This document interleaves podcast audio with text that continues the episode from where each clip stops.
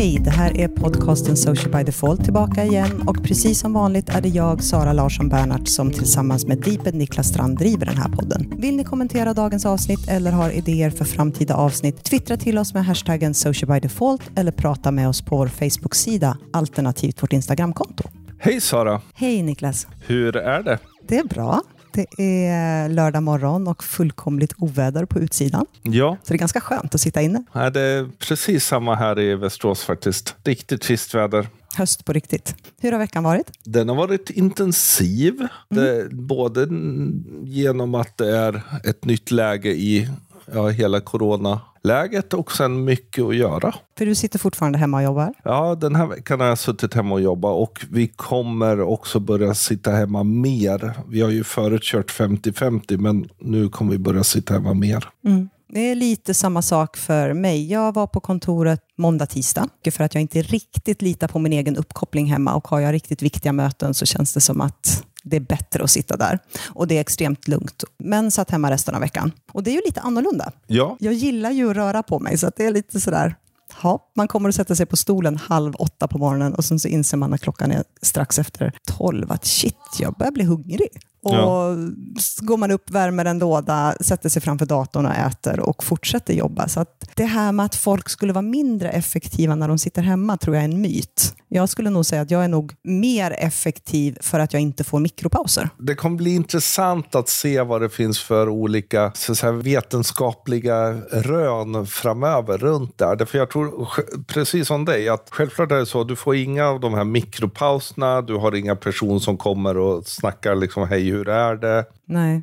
på samma sätt. Så det innebär att, så att säga, tidsmässigt så sitter man antagligen mer. Samtidigt så är man hemma lite sådär, det är någon tvättmaskin som piper eller det är någonting sånt som händer. Jag menar, jag har ju fördelen att jag har ju en arbetsplats på riktigt. Jag har en bra stol, jag har en jättebra skärm, jag har liksom ljus, jag har ju en studio uppbyggd. Så för mig är det ju inte tokigt att sitta här och, och därmed kan jag sitta länge. Men jag menar, du har en ganska keff stol, du har köpt en skärm. Så att du ska... Och så har jag köpt snygg ljus. Och du har köpt snygg ljus. Samtidigt, så här, det är ganska många som sitter vid köksbordet eller de och sitter på ganska dåliga stolar, vilket innebär att jag tror att där kanske effektiviteten minskar just för att du får ont i arslet. Och du, du, liksom, du ser dåligt, det är dåligt ljud därför att du är hemma. Ja. Så jag tror det, det finns både och sådär. Liksom att, att Även om du lägger ner mer tid så kan det vara så att allt det här andra innebär att du inte är fullt så effektiv. Så det är ju ett intressant socialt experiment onekligen vi har blivit utsatta för. Mm, jag tycker det är ett ganska deprimerande socialt experiment om jag ska dra det till, till sin spets. Och nu går de ju ut och någonstans ehm, säger att ja, men det här får vi räkna med åtminstone fram till våren. Det, det är svårt att avgöra nu vad, hur corona och särskilt den andra vågen påverkar företags kommunikation. Det, det känns som det är väldigt mycket same same. Till skillnad mot när det kom, när, när det var liksom att alla skulle prata corona. Liksom. För vi pratade ju om det i förra avsnittet, just det här att vi var så väldigt noggranna och vi gick igenom ett antal faser i början, slutet av februari, mars, april, men att det nu är väldigt mycket business as usual. Mm. Samtidigt som man kanske fortfarande undviker vissa ord eller vissa uttryck och sen också hopp, förhoppningsvis undviker att se ut som man kapitaliserar på pandemin. För då tror jag att man är riktigt illa ute. Men annars så känns det som att det snurrar på ganska mycket som vanligt. Har du köpt något stormkök? Nej, varför ska jag köpa stormkök? Det för det blev årets julklapp. Jaha, nej men gud. Ja, nej, det är ju trångt i skogen, så kan jag ju säga. Ja. Nej, jag köpte pan- pannlampa istället. Ja. Så jag kan ut och cykla mountainbike mitt i natten. Så får jag väl eh, våldgästa någon med stormkök och eh, grilla korv. Men eh, det tyckte jag var ganska intressant. För precis i samband med hela våg två så, där, så kom det här då, årets julklapp som brukar vara väldigt mycket prat om. Framförallt brukar de flesta tycka att det är fel och det tyckte väl folk nu. Men det var, var inte alls lika hög, hög nivå. För nu har folk så mycket andra orosmoment än att diskutera om, om HUIs eh, årets julklapp. Alltså jag måste erkänna att jag missade det totalt. Ja. Jag har ingen aning ja, om det när, försvann, när det liksom. kom. Så det är ganska Ja. intressant. Hade det varit ett annat år så hade det ju funnits massa memes och massa sådana saker runt. Men en, en nyhet som inte har försvunnit, som både du och jag har gjort, är ju att vi har köpt, vi har fått äntligen levererat till oss de nya iPhone 12 Pro Max. Ja. Jättestora, jättetunga, jättebra telefonerna. Och, och nu har man hunnit använda den och jag tycker om den ännu större skärmen. Vi är, vi, både du och jag är ju stor, stor telefonsgillare.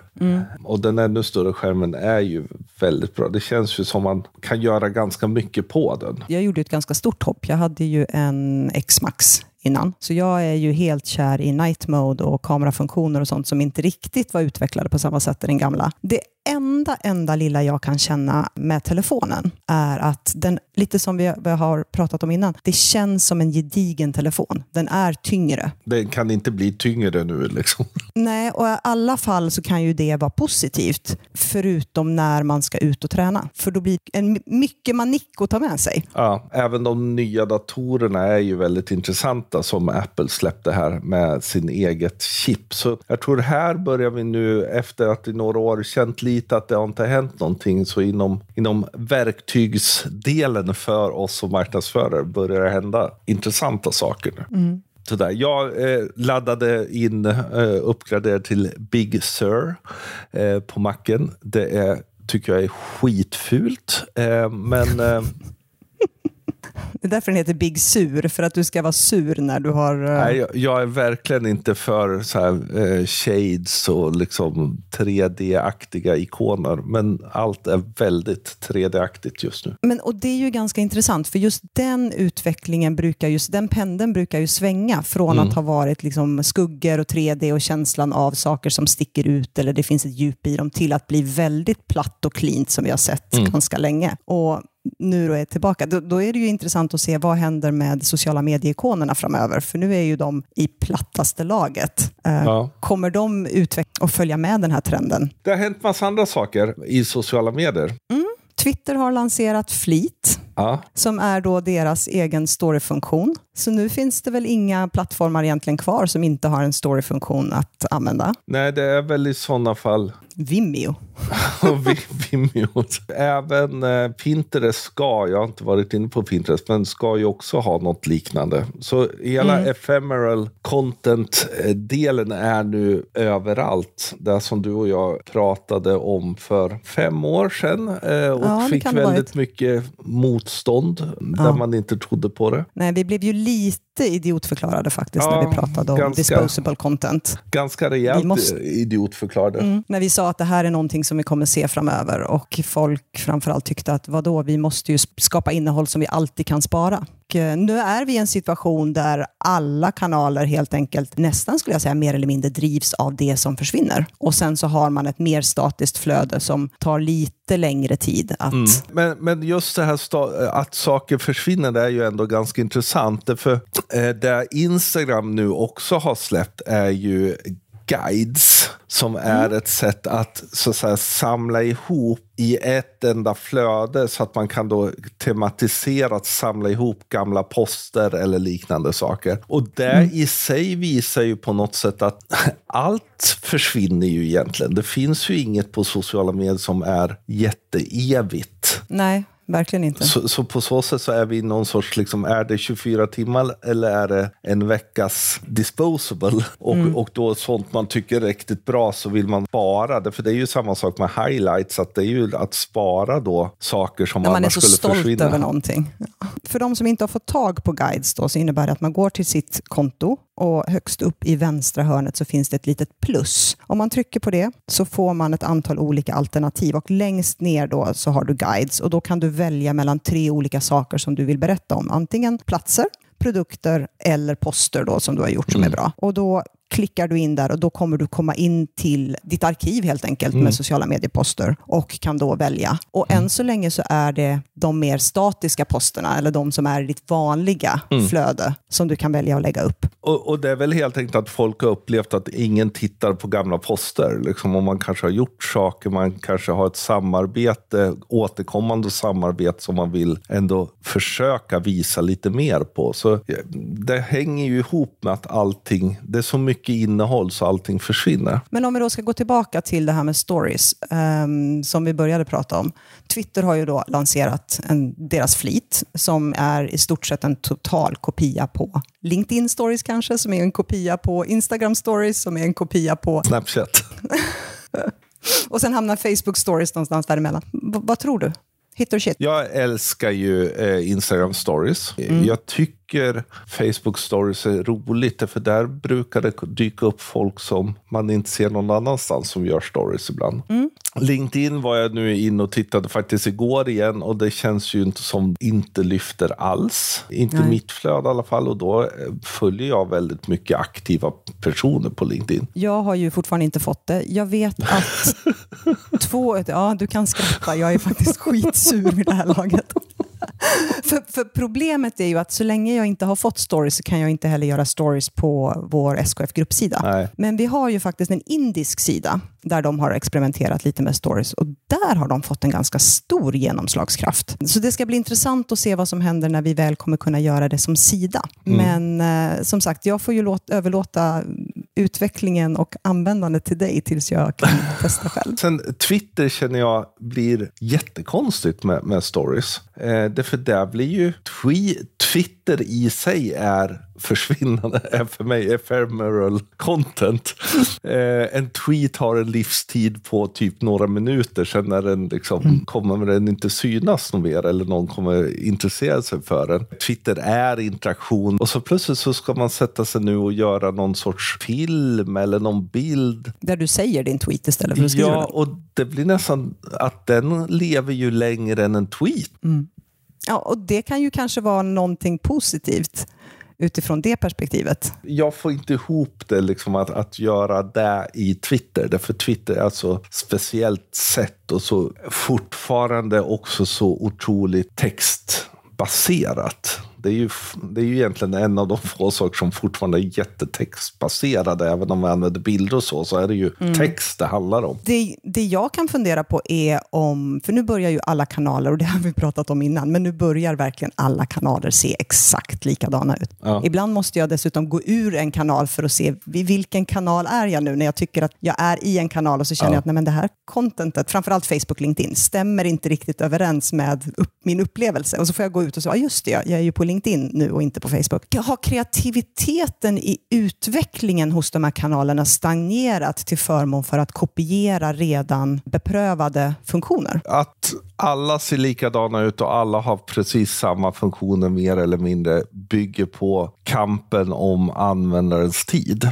Mm. Man vill att man ska vara på den plattformen för att kunna sälja annonser. Och Det innebär att Twitter vill att man bara ska vara på Twitter, att man ska kon konsumera all sin så att säga, media på Twitter. Facebook vill mm. att man ska vara på Facebook och konsumera all sin media på Facebook och så vidare. Och där LinkedIn nu också släpper kanske lite sin självbild av att vara komplementär utan försöker bli ett fullödigt socialt media för hela din tid. Vad innebär det här för kanalerna? Tror du att det kommer vara en positiv utveckling för dem eller kommer det vara negativ om vi tittar liksom, jag menar, en av fördelarna som jag tyckte om man backar tillbaka då fem år kanske, fyra, fem år, var ju att varje enskild kanal faktiskt hade en ganska specifik nisch. Vilket innebär att jag kunde få olika vinklar, jag kunde få olika stories, jag kunde få olika upplevelse av de olika kanalerna. Mm. Om nu alla börjar se likadana ut, kommer vi snarare nischa in oss på en kanal, lite som du säger, där vi fastnar? För kanalerna så tror jag att det är viktigt eftersom de då kan vinna mer tid och därmed sälja mer annonser och därmed tjäna mm. mer pengar. Så för kanalerna,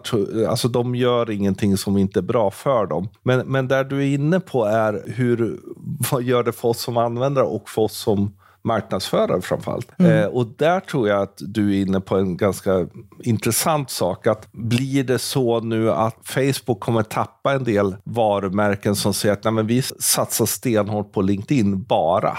Mm. För att där har vi alla de här olika formaten så att vi kan vara riktigt intressanta och där har vi vår, den viktigaste publiken och gör ett medvetet val att välja bort någonting. För grejen är ju den att Som användare så känner jag ju personligen att tiden räcker inte till, vilket innebär att jag har svårt att se mig själv göra stories på någon annan kanal än Instagram, där jag redan är kär i den kanalen, i stories-funktionen och den var den första som kom. Mm. Som företag så blir det ju otroligt komplext, framför allt eftersom det ställer så otroligt mycket mer krav på de som skapar innehåll. Om varje enskild kanal idag har liksom tre eller fyra olika format, från att vi kanske från början hade tre eller fyra olika kanaler, Mm. så får vi inte ihop den kakan Mm.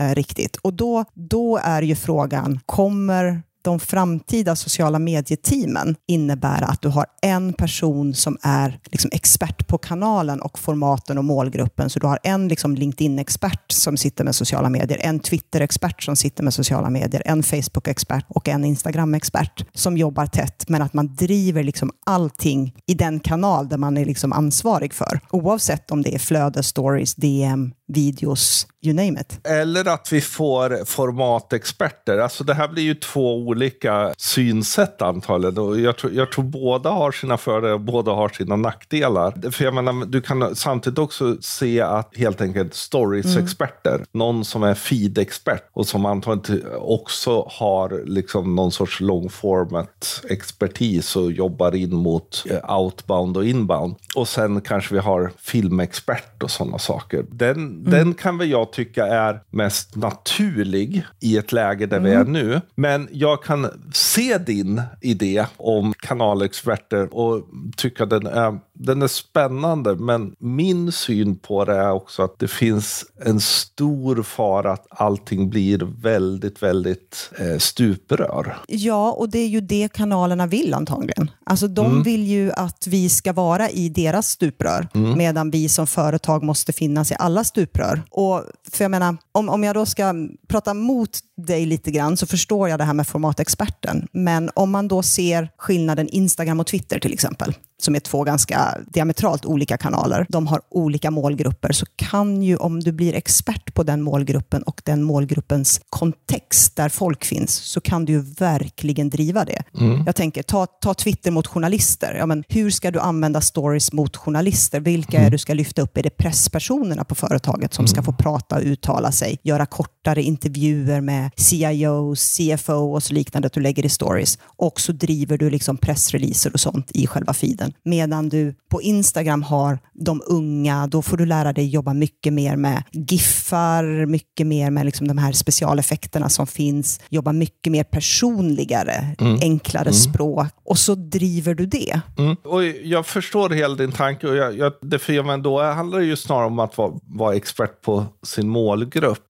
Problemet i den ligger ju någonstans i att det är ju inte så solklart att du har samma målgrupp bara på en plattform. Vilket innebär att då satsar man bara på unga inom situationstecken på Instagram. Problemet är att då tappar man kanske de äldre som inte riktigt kan känna sig hemma men som gillar Instagram. Och samtidigt tappar man de unga på någon annan kanal eftersom där gör man innehåll som passar lite mer äldre. Så, så jag, alltså, jag förstår din idé och jag, jag kan gilla den och det finns en logik i den. Men, men det finns också någon, någon fara i det. Så, som, mm. Det gäller ju att man som, som team då jobbar extremt tajt ihop. Att man verkligen på insidan i det här kreativa teamet verkligen spräcker stuprören, men att man exekverar det i respektive kanal. ett tänkbart argument för den tanke du för fram om kanalexperter ligger ju i också just det här att det kanske är så att vi kommer bli mer och mer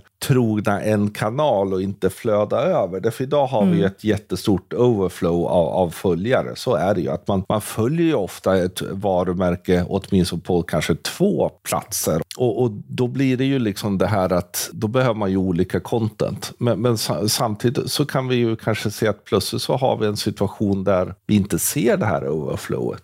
Nej. Och, och då dels så självklart kan du då duplicera på alla kanaler om du skulle vilja det. Därför folk kommer inte se samma sak. Men också att då finns det ju ett mycket högre incitament att verkligen göra det kanalen är till för utvecklade. Så vi står antagligen inför för lite utmaningar tack vare att de nu har blivit schweiziska arméknivar hela bunten i princip. Det man kan någonstans garantera är ju att utvecklingen av rollen som social media ex expert eller social media manager eller kommunikationsansvarig eller vad det nu är, kommer faktiskt innebära ännu mer att du inte kan ha en person som är, sitter Nej. och skapar, utan faktiskt att du behöver göra större team. Mm. På samma sätt som utvecklingen går framåt så ökar ju också kraven mm. från oss användare att innehållet faktiskt ska vara mycket mer kanalspecifikt, mm. mycket mer högkvalitativt. Och så länge vi har överlappet så kommer vi inte kunna duplicera, för då kommer man tappa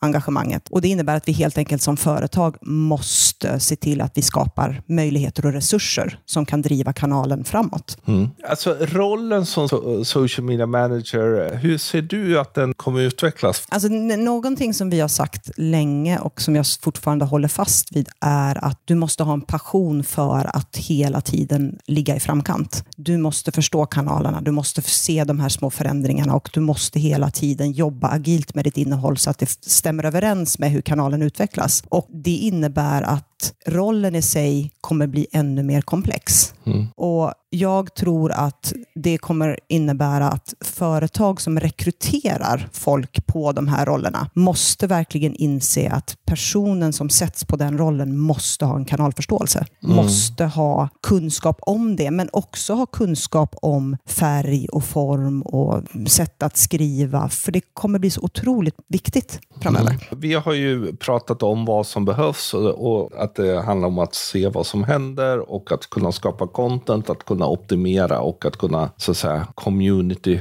bygga. Jag tror också att vi ser nu en utveckling, lite som du var inne på, det här att vi kommer behöva folk som är övergripande generalister och samtidigt strategiskt kunniga, mm. men också har mycket mer expert experter som vi har varit inne på. Och där är ju den intressanta delen att är det så att man faktiskt kommer kunna utbilda sig till Facebook-kreatör, eller vad man ska säga, ja. Facebook Content Manager eh, och därmed bara göra det och därmed kunna jobba med video, kunna jobba med text, alltså vara var lite generell kreatör men samtidigt bara på Facebook. Mm. Eller är det så att vi kommer behöva folk som bara jobbar med video. Bara, alltså, är det en tra mer traditionell reklambyrå eller är det en mer modern kanaldriven byrå vi kommer behöva bygga internt? Jag skulle nog säga det senare, mm. faktiskt. Med tanke på att det är så otroligt svårt idag att få genomslag, att synas, att höras, att hela tiden vara relevant, så tror jag att det kommer bli mer kanalspecifikt. Nu har jag snöat in mig på det i mina tankar, så jag tror också att jag kanske tänker utifrån det perspektivet. Men, och självklart